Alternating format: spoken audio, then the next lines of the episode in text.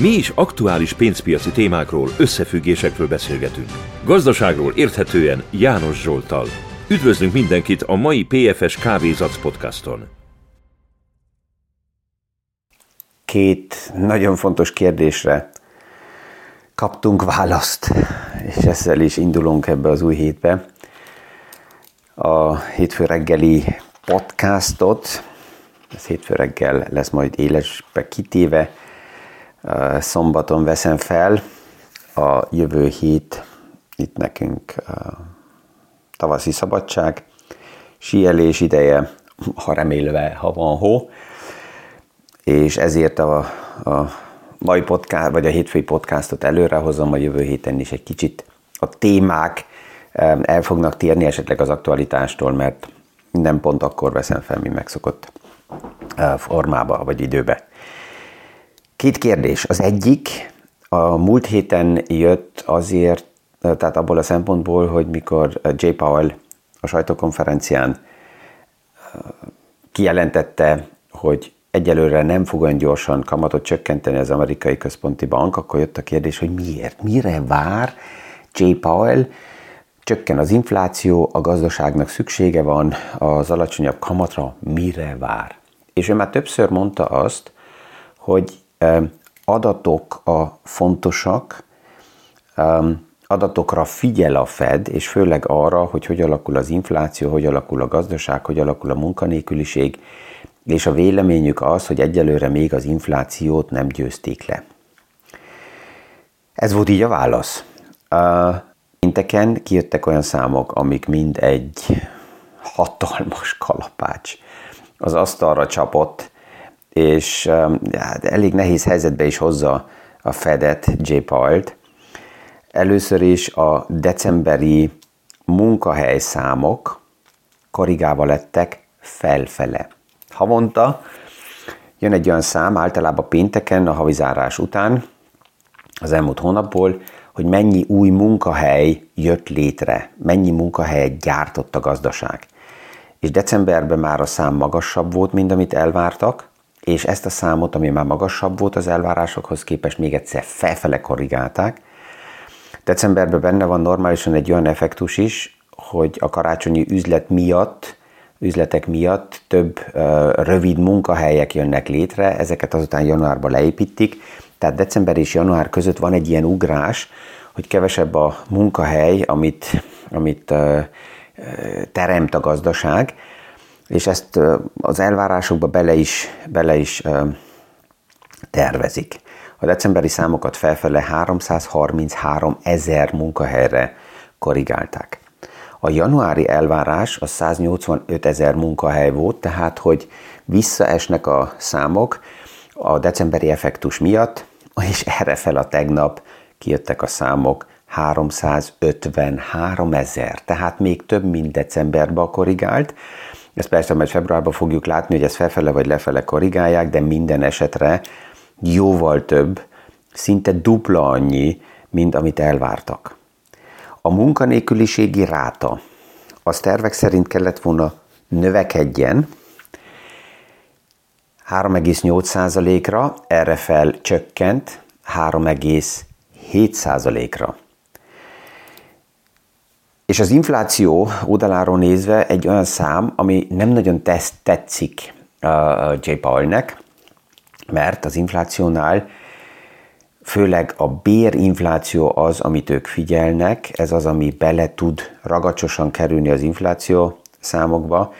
A bérinfláció kellett volna 0,3%-kal növekedjen, és erre fel januárba plusz 0,6%-kal dupla olyan erős volt. A beszállítási láncoknál látjuk, hogy az árak mennek felfele, a Vörös-tengerbe a problémák hajtják felfele az árakat, a raktárok teli vannak, mert vállalatok sokkal többet vásárolnak pont a feszültség miatt, hogy esetleg ne legyenek ellátási problémák, és ezt előre hozzák.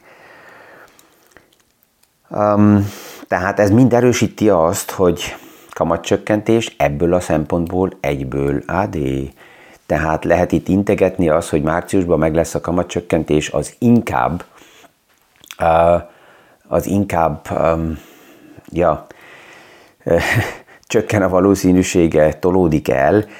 Egyelőre még tartja magát az a hír, hogy, vagy az a, az a, az a szemszög, hogy oké, okay, 24-ben nem lesz további kamat emelés, de hogy kamat csökkenés jönne, az később, és hogy biztos nem abba a dimenzióba, a mai szemszögből nézve, amit, amit eddig várazott a piac, ez is logikus. Erre fel persze, hogy fordultak pénteken a 10 éves kötvényeknek is a kamatjai megint emelkedtek 3,8 helyett 4 százalékra. Ez így, így százalékot nézve, vagy számokat nézve nem nagy, de a 10 éves kötvénynél ez elég erősen ugye hatással van. Egyből fordultak a kötvényportfólióknak a zárfolyamai megint lefele. Persze, hogy vannak olyan paraméterek, ami miatt a kamatcsökkentések jöhetnek, mert a veszélyek a piacból nem terültek teljesen ki, de, de ez, ami itt van a számokból, ez alátámaszza azt, hogy most a negyedéves jelentéseknél miért magasak tovább is a vállalatoknak a forgalmai, miért magasak a marzsok.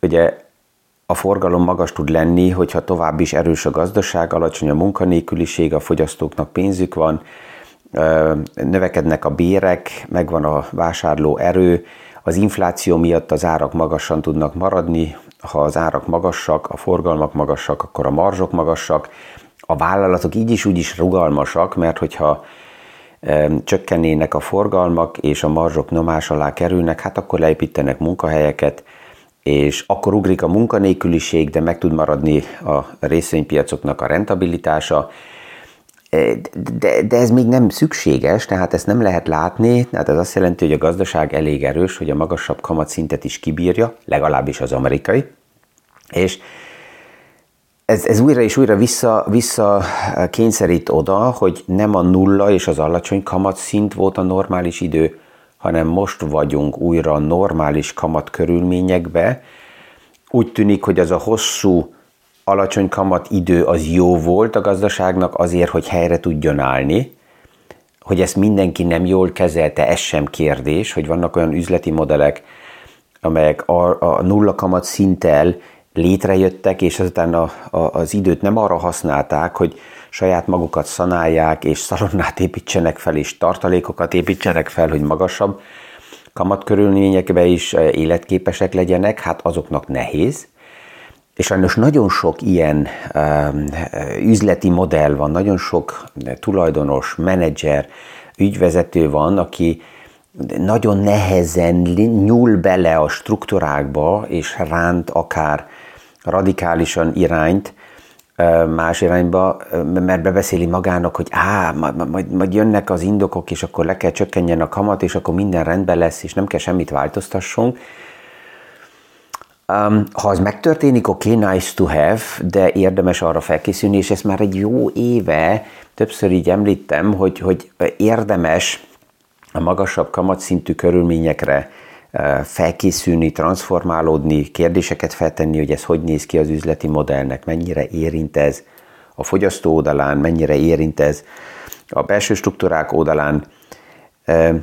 Olyanok, akik nem akarnak reagálni, azok szinte reménnyel reményekkel néznek most Amerika irányába, és remél a regionális bankoknak tényleg problémáik lesznek, hogyha lejár a, Bank Term Funding Program márciusba, és, és akkor remélik, hogy ez lesz az az indok, ami miatt a központi bankok kétszerítve lesznek kamatokkal reagálni, de láttuk a tavaly márciusban is azt, már akkor is az volt a vélemény, na, akkor megvan most a csontváz, ami kiesett a szekrényből, és ezért most a bankok a kamatokat kell csökkentsék. Na, a központi bankok nagyon kreatívak, és csak emlékezzünk vissza, akkor is J. Paul mondta, hogy higgyék el, nekünk még nagyon sok ötletünk van, hogy milyen formában, milyen lehetőséggel tudjuk a piacot úgy stabilizálni és támogatni, hogy megfelelő legyen ez, és ne kelljen a kamatokat csökkenteni. Tehát ebbe ennyire bízni, hogy ó, akkor a kamatok biztos, hogy lefele fognak menni, ez egy elég erős fogadás, ami, ami drága tud lenni. Um, ja, tehát, és a vasárnap lesz egy um, olyan beszéde J. Paulnek, amit majd, majd a jövő héten uh, biztos, hogy meg fogunk itt is beszélni, hogy um, Ja igen, és ezzel az idő pecsét is rajta van a mai podcaston, ezt nem tudom, hogy már mondtam-e, szombaton veszem fel, és hétfő reggel megy élesbe, tehát a hónap délutáni beszédet így most még nem tudom kommentálni, de nagy valószínűséggel már hónap. Igen, és akkor az valamelyik podcastba bekerül a jövő héten, ott fognak figyelni arra, hogy ezekkel az új számokkal újan fog reagálni J. Paul, vagy, vagy ugyanúgy, mint eddig is, és ha ugyanúgy, mint eddig is, akkor hát ez az a, az a, az a szám volt, vagy azok a számok voltak, amire ő várt, vagy, vagy, vagy sejtette, hogy jönnek, tehát ez az óvatosság, hogy miért vár ki, hát innen jön ez a téma. Hétfőn ugye mindig az ESG témát is kézbe veszem, és egy nagyon érdekes plusz aspektusa jelent meg az ESG ratingeknek. A vállalatok egyre pontosabb és pontosabb adatok alapján egy, egy ilyen rating sorrendben vannak téve, hasonlóan ugye, mint a, az államok, vagy a kötvények is, ott is vannak a, a rating agentúrák, és kiadják az ABCD értékeléseket, a legmagasabb szintű minősítés vagy értékelés, értékelés itt a AAA, a 3A, és az ESG szemszögből is alakulnak ilyen ratingek, és a vállalatoknak ez egyre fontosabb kezd lenni, hogy a, ez a, az ESG minősítés ez minél magasabb szintű legyen. Miért? Hát azért, mert minél magasabb szintű, annál kedvezőbbek a paraméterei például a hitereknek. A jövőben ezt látni fogjuk, hogy az ESG rating szerint drágábbak vagy kedvezőbbek lesznek a hitelek is, amit a vállalatok megkapnak. Na most a befektető oldaláról nézve a kérdés az, hogy mibe érdemesebb befektetni, magasabb ESG értékelősű vállalatokba vagy alacsonyabbakba, és az a kérdés is fontos, hogyha változik ez a rating minősítés, mert például egy vállalatnál valami történt, vagy valamire rájönnek, vagy egy baleset történt, akkor leértékelik ezt a ratinget, de ennek általában kihatása van, a visszaértékelésnek kihatása van az árfolyamokra a részvényeknél, tehát a volatilitás az mind, mind, mind összefüggés az ESG ratinggel megjelenik. És ez a két kutatás van egymás mellett, amelyik teljesen ugyanazt az eredményt mutatja ki, hogy azok a vállalatok, amelyek arra figyelnek, hogy ne csak magas legyen az ESG minősítésük, hanem stabilis legyen, hogy azoknál a befektetők egyik oldalról kevesebb kockázati felárat kell fizessenek, mert azokból a részvényekből kikerül ez az ESG miatti kockázati felár, tehát akár még olcsóbbak is lesznek a, a részvények, és ha stabil az ESG minősítés, és csak lassan megy felfele, még azt mutatja ki ez a, ez a kutatás, hogy a befektetők arra is számíthatnak, hogy nyugodtabbak lehetnek, mert kevesebb nem pénzügyi kockázat rejlik az üzleti modellre, modellekbe, mert erre figyel ugye a menedzsment,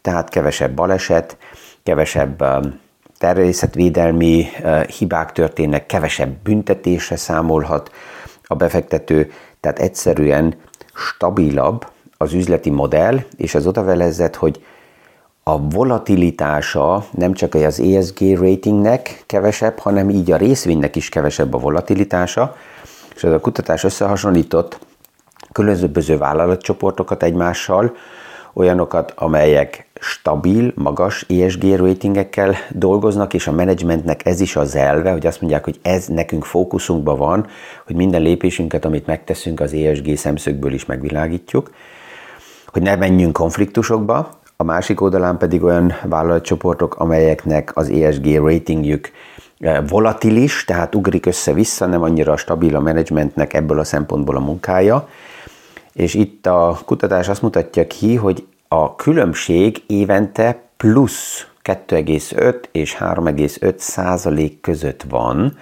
a hozamoldaláról nézve a stabilabb ESG ratingű vállalatok irányába.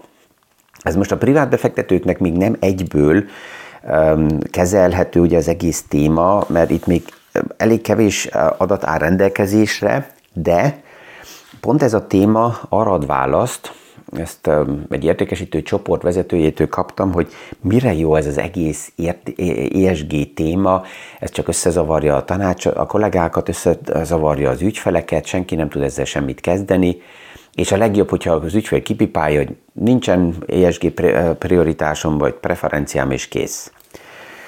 Ezt teljesen másképp látom. Um, szerintem egy, egy tanácsadónak, ha tanácsadónak nevezi magát, de még akkor is, ha értékesítő, és csak egy terméket akar eladni, megvan az a szerepe is, az az ügyféllel a témát megbeszélni, vitatni, véleményt alkotni, véleményt formálni, és um, akkor is, hogyha azt látjuk, hogy ma még nem százszázalékosak az adatbázisok, az egyes témáról újra és újra és újra beszélni um, megadja a lehetőséget arra, hogy észrevegyük, hogy egyre pontosabbak az adatok, és egyre magasabb szintre kerülnek az egyes alpontok az, ESB, az ESG-ből.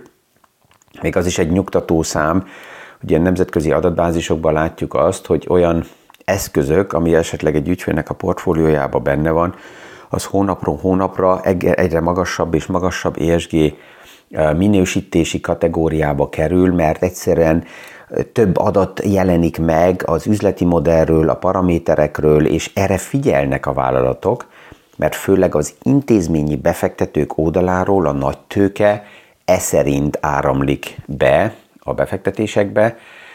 Az intézményi befektetőknek vagy van olyan előírásuk, hogy stabil kell legyen a portfólió, tehát kevés volatilitás, akkor ők pont olyan vállalatokat, amelyek magasan tartják az ESG minősítést és stabilak, ezt inkább fogják keresni, és odaállamlik a likviditás. Vagy pluszba még nem csak a, a kevés volatilitás a feltétel, hanem az is meg van szabva, hogy minél magasabb ESG rating szintű investíciókba menjenek bele. És ezért a nagy tőke ez sokkal erősebben irányítja, de ez ebből a szempontból alátámaszza azt is, hogy akik ezzel elkezdtek foglalkozni, és ezért egyre többen kezdenek el ezzel foglalkozni. Miért? Hát már a tőke hatalma. Tehát amit mondtam, hogyha egy vállalatnak stabil az ESG ratingje, ezt komolyan veszi, a befektetők látják, hogy a menedzsment ezzel foglalkozik, hát akkor nincsen az a kockázati felár, kedvezőbben jutnak pénzthez, és ez döntő. És ezt a kérdést a bankok is fogják hozni a következő évekbe, ezt már többször mondtam, hogy a bankok is dolgoznak azokon a listákon, szerencsére nem egyenként, hanem ez összehangoltan top-down az Európai Központi Banktól megy lefele a regionális országos bankokra, hogy itt megnézni, hogy milyen alparaméterek szerint mérik fel, ha egy, valaki egy hitelt felvesz, hogy ez mennyire felel meg. És ebben jön a kérdés a befektetőtől, hogy hát honnan fogják tudni, hogy a pénzt én ö, mire használom fel. Hát pont úgy, hogy meg van kérdezve, és csak úgy hitelt felvenni nem lehet, hanem pont ott a kérdés, hogy miért veszed ezt a hitelt fel, és aki azt mondja, valaki azt mondaná, hogy black box, és semmi közöttök ahhoz, hogy én ezzel mit csinálok, hát akkor az egész ESG paraméter szerinti multiplikátor az nulla, vagy a legmagasabb szintű kockázat, és hát akkor annak a hitelnek, ha egyáltalán megkapja valaki, akkor a kamatja az a legmagasabb. Nagyon egyszerű. Tehát ez ebbe az irányba tolódik el az ESG téma szemszögből megítélés a befektetéseknél. Remélem, hogy ezzel a két témával megint így, megint így sikerül lendülettel ebbe a hétbe is beleindulni. Kívánok mindenkinek kellemes, sikeres napokat, hetet és a viszontlásra a következő PFS Kávézac podcastig. Mi is aktuális pénzpiaci témákról, összefüggésekről beszélgetünk. Gazdaságról érthetően János Zsoltal. Üdvözlünk mindenkit a mai PFS Kávézac podcaston!